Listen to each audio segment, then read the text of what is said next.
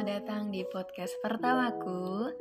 Jadi di podcast ini aku menghadirkan episode yang berjudul Fenomena Anak Muda Di mana isinya bakal ngobrolin tentang kondisi-kondisi psikososial anak muda yang hangat dibicarain akhir-akhir ini Dan di episode kali ini aku bakal bahas tentang fear of missing out Atau yang sering kita dengar dengan FOMO pasti salah satu dari kalian udah familiar dengan kata-kata FOMO ini. Atau jangan-jangan kalian barusan denger nih. Tenang aja guys, kita akan bahas satu persatu FOMO di podcast ini. Nah, FOMO ini mulai terdengar lagi nih di akhir-akhir pandemi ini. Nah, kita tidak dapat memungkiri bahwa di saat pandemi kita nggak bisa nih lepas dari gadget, dari media sosial yang itu juga memicu munculnya FOMO. Jadi buat kalian yang pengen tahu lebih jauh tentang FOMO atau pengen tahu sebenarnya gue ini kena FOMO apa enggak sih? Nah, kalian bisa terus dengerin podcast ini sampai akhir ya. Oke, kita mulai dari definisi FOMO itu sendiri. Apa sih sebenarnya FOMO itu? Nah, secara garis besar ya, FOMO adalah perasaan khawatir atau takut ketika seseorang melewati pengalaman baik atau menyenangkan yang dialami oleh orang lain. Nah, itu juga bisa sebagai persepsi bahwa orang lain itu memiliki hidup yang lebih baik daripada kita. Nah, sebenarnya kapan sih FOMO itu muncul atau terjadi biasanya? Ya kan? Biar kita tahu gitu, aku ini lagi FOMO apa enggak ya gitu. Nah, FOMO itu biasanya terjadi saat kita lagi scrolling media sosial. Nah, waktu kita scrolling, kita lihat nih story teman-teman kita, story influencer dan lain sebagainya yang mungkin mereka lagi liburan, lagi beli barang baru atau teman kita lagi graduate lebih cepat daripada kita atau mereka punya pasangan baru, bahkan anak baru dan masih banyak lagi itu membuat kita kayak apa ya istilahnya kayak insecure kali ya. Kenapa dia bisa dan gue enggak gitu. Nah selain itu FOMO juga bisa muncul malam-malam atau jam-jam overthinking nih waktu kita mau tidur. Nah setelah kita seharian beraktivitas kita mungkin lihat orang lain doing great atau melakukan hal yang bagus saat dia bekerja atau saat dia di sekolah atau di kampus ya. Nah kita mulai kayak mikirin itu kenapa sih dia kok bisa ya mencapai hal itu gitu sedangkan gue kayak stuck di sini-sini aja gitu. Nah selain itu ada lagi nih FOMO muncul saat akhir pekan. Kok bisa sih FOMO muncul di akhir pekan? Nah di saat akhir pekan kita biasanya kayak gak ada plan gitu kan apalagi lagi pandemi ini nah sedangkan kita lihat teman-teman teman-teman kita tuh lagi produktif gitu di akhir pekan. Nah kita cuma di kamar bahan useless main HP dan gak ngapa-ngapain. Itu kita bikin kayak mikir lagi gak sih? Kayak aduh kenapa sih kok dia bisa produktif gitu? Sedangkan gue mau ngelakuin apa aja gue bingung gitu. Nah kita kan tahu kan bahwa sebenarnya pencapaian orang lain itu harus menjadi motivasi gitu gak sih buat kita buat bangkit atau melakukan sesuatu yang lebih baik dari mereka gitu? Kayak kita lebih apa ya terpacu seharusnya kalau kita lihat orang yang lebih sukses daripada kita. Nah tapi FOMO itu justru membalikkan hal itu semua. Orang yang FOMO itu justru takut cemas insecure lah bahkan apa ya meragukan dirinya sendiri bahwa mereka itu tidak layak mendapatkan hal yang baik gitu.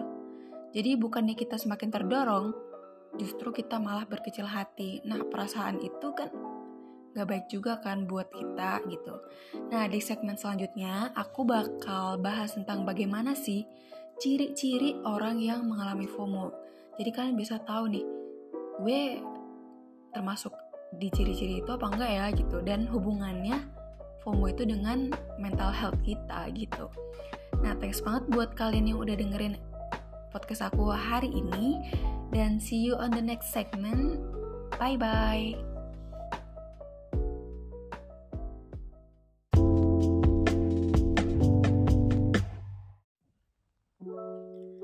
Halo, selamat datang kembali di episode Fenomena Anak Muda.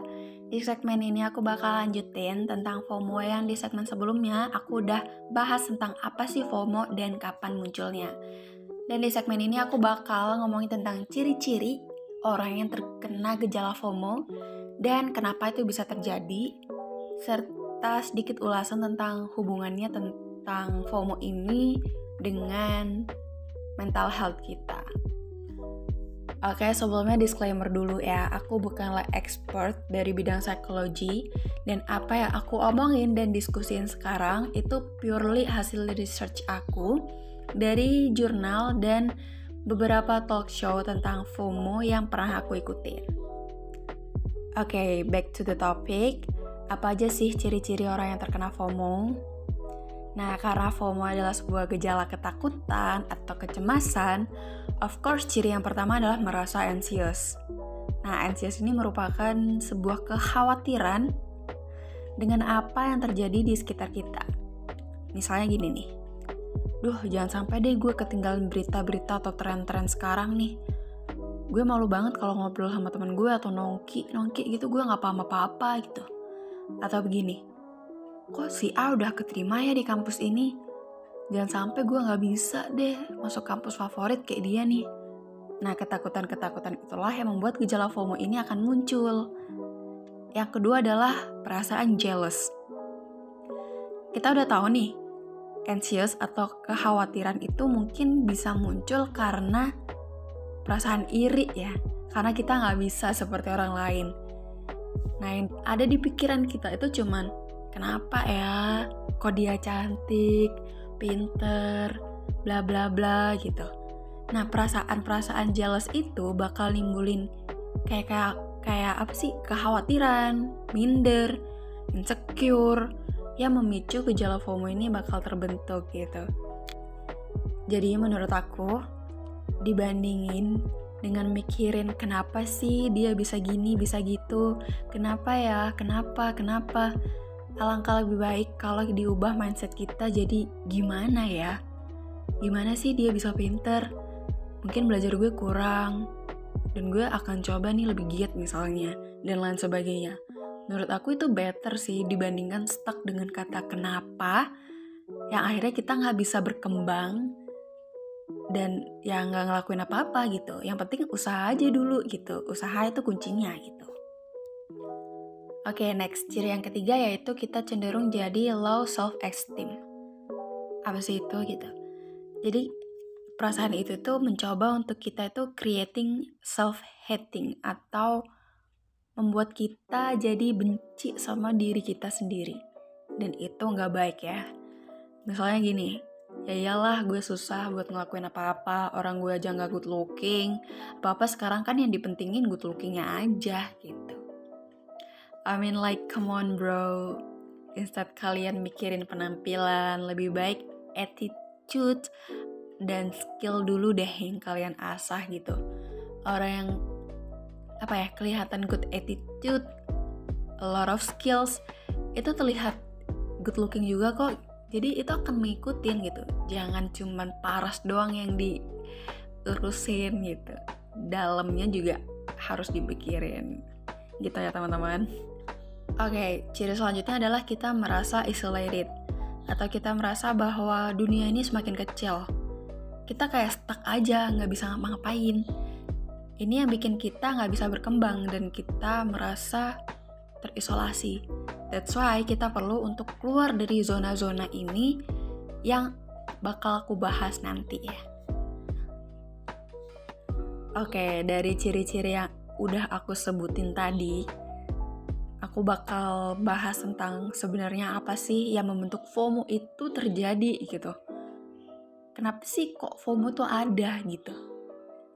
So, berdasarkan jurnal yang aku baca nih tentang FOMO, FOMO itu terjadi karena setiap orang itu memiliki ekspektasi, goal, dan keinginannya masing-masing.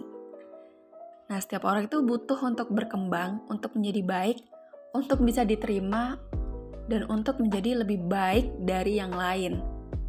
Nah, selain itu, manusia itu selalu berusaha untuk mencari tahu di mana posisi kita berada. Apakah di atas orang lain atau di bawah gitu. Kalau kita di atas, itu apa ya gejala terkena FOMO-nya itu lebih kecil dibandingkan posisi kita yang ada di bawah. Nah, karena manusia itu hidup untuk survive, kita akan merasa terancam nih jika jika ada orang lain berposisi lebih di atas diri sendiri. Oleh karena itu, kita akan sulit mensortir hal-hal mana sih yang membuat kita bahagia, mana yang harus kita perbaiki. Nah, karena ketakutan-ketakutan itu atau kebingungan itu muncullah nih gejala-gejala FOMO. Oke, berdasarkan talk show yang aku ikutin dari Katara, seorang clinical psychology, ada beberapa dampak FOMO itu terhadap mental health kita. Yang pertama adalah bakal muncul anxiety. Karena mereka merasa selalu harus keep up, harus berkompetisi, jadi harus lari terus dan akhirnya ya timbul itu kecemasan-kecemasan isi harus berlari-lari terus ya untuk mengejar apa standar masyarakat. Jadi timbullah suatu anxiety dalam diri kita. Yang kedua adalah timbul depresi. Nah, itu terjadi saat kita punya image yang buruk ya tentang diri kita di masyarakat dan akhirnya kita kehilangan harapan. Itu kalau terjadi terus-menerus kita akan mengalami depresi.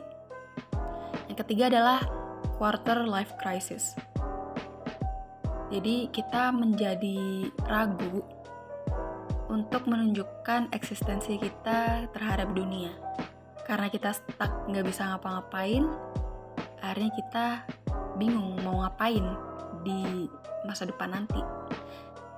Ya itu bakal berpengaruh terhadap mental kita juga kan.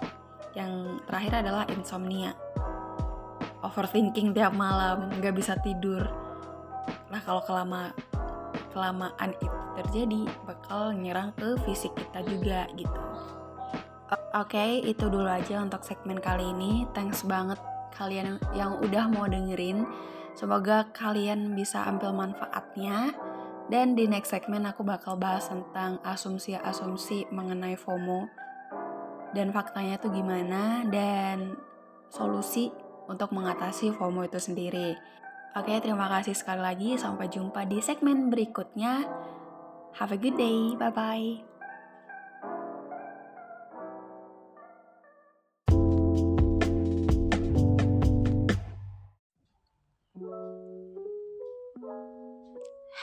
Welcome back to podcast Fenomena Anak Muda. So, ini adalah segmen terakhir dari segmen tentang FOMO yang akan membahas tentang solusi mengatasi FOMO ala fenomena anak muda. Oke, okay, tanpa basa-basi, solusi yang pertama adalah tetapkan mindset bahwa setiap orang berkembang dengan caranya sendiri dan proses masing-masing. Jadi setiap orang itu punya jalannya sendiri-sendiri dan setiap orang punya bakat dan minatnya sendiri-sendiri. Kalian nggak bisa nyamain bakat kalian, minat kalian dengan orang lain. Jadi sebisa mungkin untuk temukan jalanmu sendiri. Oke, tips yang kedua adalah tetapkan tujuanmu, mimpi apa yang ingin kamu raih dan minat apa yang ingin kamu tekuni. Dan pastiin tujuan itu dan mimpi itu nggak berubah-ubah sehingga kamu tuh bisa lebih mendalami untuk mencapai tujuan tersebut. Oke, step yang ketiga adalah kurangi penggunaan sosial media secara perlahan dengan menyibukkan diri sendiri dengan minat yang kamu tekuni. Misalkan kalian punya hobi menulis, kalian bisa nih iseng-iseng nulis di blog atau ikutan lomba nulis yang maybe kalian bisa mendapatkan apresiasi dari hobi atau minat kalian, apresiasi dari perlombaan-perlombaan tersebut. Nah, dengan begitu kalian bisa nggak terlalu intens dengan sosial media dan kalian senang untuk menjalankan hobi yang kalian suka dan masih bisa tetap produktif. Yang keempat adalah jadikan sosial media menjadi tempat kamu menyampaikan pencapaianmu dan bukan lagi kamu yang selalu mengamati pencapaian orang lain. Jadi sosial media itu bikin sebisa mungkin menjadi platform kamu bisa menunjukkan personal branding kamu. So dengan demikian, orang bisa melihat kamu sebagai personal yang memiliki skill dan kemampuan yang lebih tanpa kamu perlu mengamati skill-skill orang lain yang membuat kalian lebih insecure. It's okay kalian punya uh, orang yang bisa menginspirasi kalian atau motivator yang bisa menginspirasi kalian, tapi jadikan motivasi dan inspirasi tersebut benar-benar masuk ke diri kalian sehingga kalian bisa menjadi pribadi yang lebih baik gitu. So, step yang kelima adalah bertemanlah dengan dirimu sendiri dan apresiasi hal-hal kecil yang ada pada dirimu. Jadi, bebaskanlah dirimu. Kalau kamu pengen sedih, ya udah sedih, tapi jangan berlarut-larut. Kalau kalian pengen senang, it's okay, kalian boleh kok senang, tapi jangan terlalu larut juga dalam kesenangan. Jadi kalian harus benar-benar kenal diri kalian.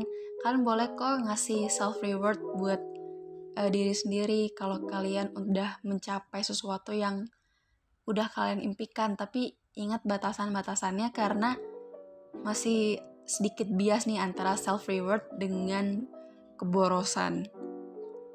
Oke, step yang keenam adalah tetap peduli dengan orang sekitar dan jangan merugikan orang lain.